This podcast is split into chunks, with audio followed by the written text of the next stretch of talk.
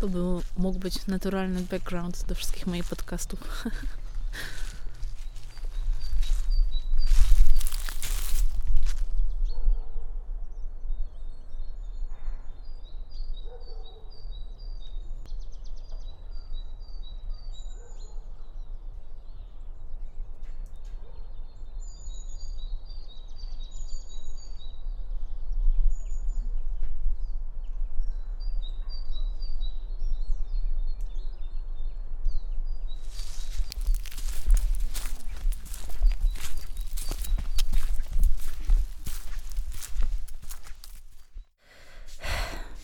Cześć.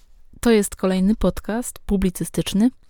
Ten wstęp był po to, żeby trochę rozluźnić atmosferę, y, żeby sobie przypomnieć, że nie mamy zakazu wychodzenia i że wciąż możemy y, podziwiać naturę i z niej czerpać i relaksować się nią i też y, używać takiej lasoterapii, jak to się teraz właśnie zaczęło mówić. W ogóle we wszystkich moich podcastach poprzednich byłam bardzo neutralna światopoglądowo, to znaczy głównie chodzi mi tutaj o poglądy religijne. W tym momencie chciałam się troszeczkę wyłamać i powiedzieć o tym, co jest właściwie fundamentem mojego życia, czyli y, o wierze w Boga, mm, ponieważ obecna sytuacja y, troszeczkę zmieniła zasady gry. To znaczy, z wiadomych względów po prostu kościoły były dzisiaj puste. Y, I w ogóle to super akcja się udała, że nie trzeba było mm, anulować mszy i, i rzeczywiście też mało osób było w kościołach. Ale właśnie ta wiara w Boga. Pracuję w ogóle w katolickiej redakcji misyjnych dróg i portalu misyjny.pl. Mm, wczoraj opublikowałam taki tekst na Facebooku właśnie, taką moją małą refleksję. On też został opublikowany na portalu misyjny.pl, także zachęcam. Y, właśnie ta refleksja dotyczyła takiej mojego spostrzeżenia, ponieważ jestem właśnie na drodze neokatechumenalnej. E, mieliśmy wczoraj mm, Eucharystię w naszej wspólnocie, ale niestety ta Eucharystia trochę inaczej wyglądała, ponieważ normalnie no w ogóle Eucharystia na drodze neokatechumenalnej ma zupełnie inną formę. Oczywiście dopuszczoną przez Kościół i zatwierdzoną przez, przez statuty i przez papieża, przez Watykan. Co w tych, jakby wydaje się ciekawe, co w tych warunkach wyróżnia tą formę Eucharystii od zwykłej mszy w Kościele, to jest to, że między innymi właśnie Komunia Święta jest rozdawana pod dwoma postaciami, e, no i znak pokoju jest przekazywany poprzez pocałunek w policzek. E, oczywiście tych zmian jest więcej, tam są na przykład też wprowadzenia do czytania, e, jakby i tak dalej, ale w tym momencie chodzi mi o to, że po prostu moja Eucharystia troszeczkę inaczej wyglądała, było bardzo mało osób, chyba z 15.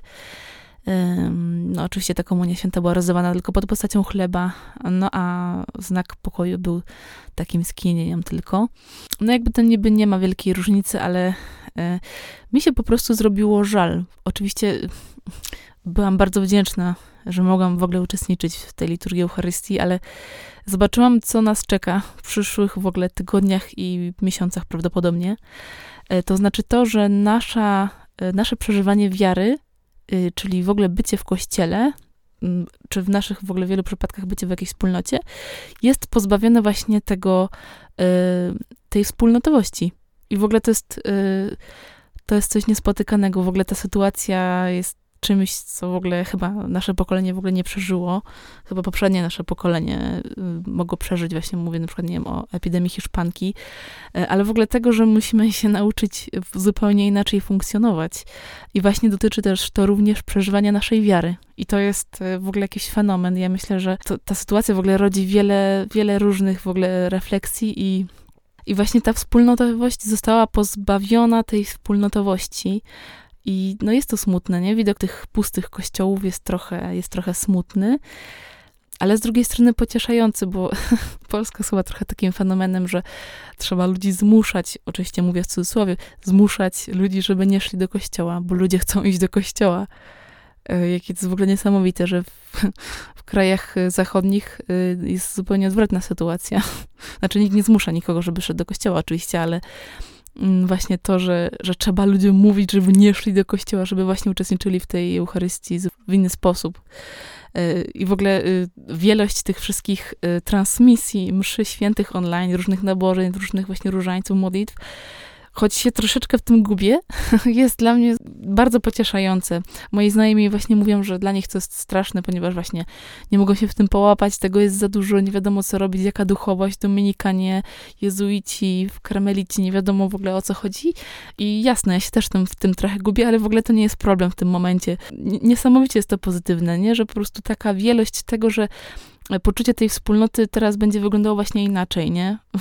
Będziemy w takiej izolacji żyli teraz przez jakiś czas, e, ale właśnie e, niesamowite jest to, nie? Że po prostu e, cały mój timeline na Facebooku i na Twitterze po prostu wygląda właśnie w ten sposób. Cała ta sytuacja z jednej strony powoduje pewne problemy, ale z drugiej strony właśnie pokazuje nam troszeczkę to, w jakiej kondycji, że tak powiem, duchowej jesteśmy, to znaczy jaką właśnie mamy relację do Pana Boga.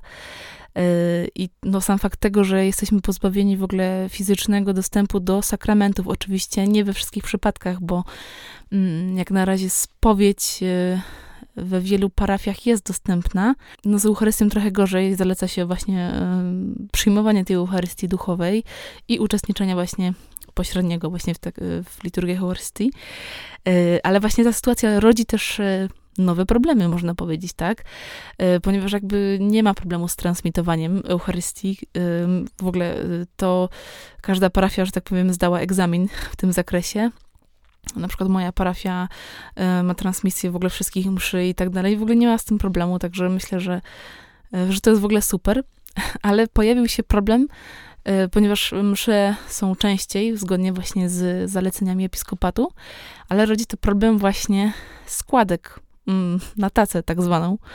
E, jest coś takiego w kościele jak dziesięcina. Nie każdy, nie każdy to praktykuje, ale wiele z nas, kiedy jest na mszy świętej, no kładzie pieniądze na tacę. Sytuacja jest trochę taka, y, no, że tak powiem, kłopotliwa dla księży, E, dlatego w ogóle mówiąc to, zachęcam do tego, żeby mm, każda parafia, myślę, że to ma na swojej stronie internetowej, żeby ustawić sobie stałe zlecenie na konto swojej parafii, żeby po prostu pomóc naszym proboszczom i parafiom, bo nagle się okazało, że dostęp do sakramentów, który zawsze był oczywisty, przestaje być czymś oczywistym, przestaje być czymś pewnym.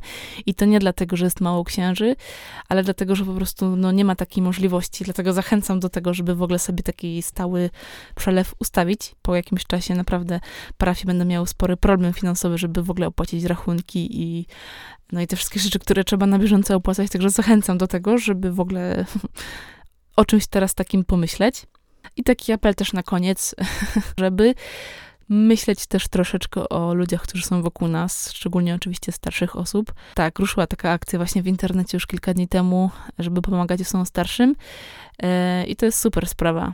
Ale myślę, żeby tego nie zaniechać, żeby w, jeśli tego ktoś słucha i jeszcze na przykład wie, jak na sąsiedzie, czy mm, nie wiem, jakichś swoich znajomych, którzy mogą potrzebować pomocy, to myślę, że teraz jest dobry moment, żeby y, pokazać, czy jesteśmy dobrymi ludźmi, czy nie. no i pomóc.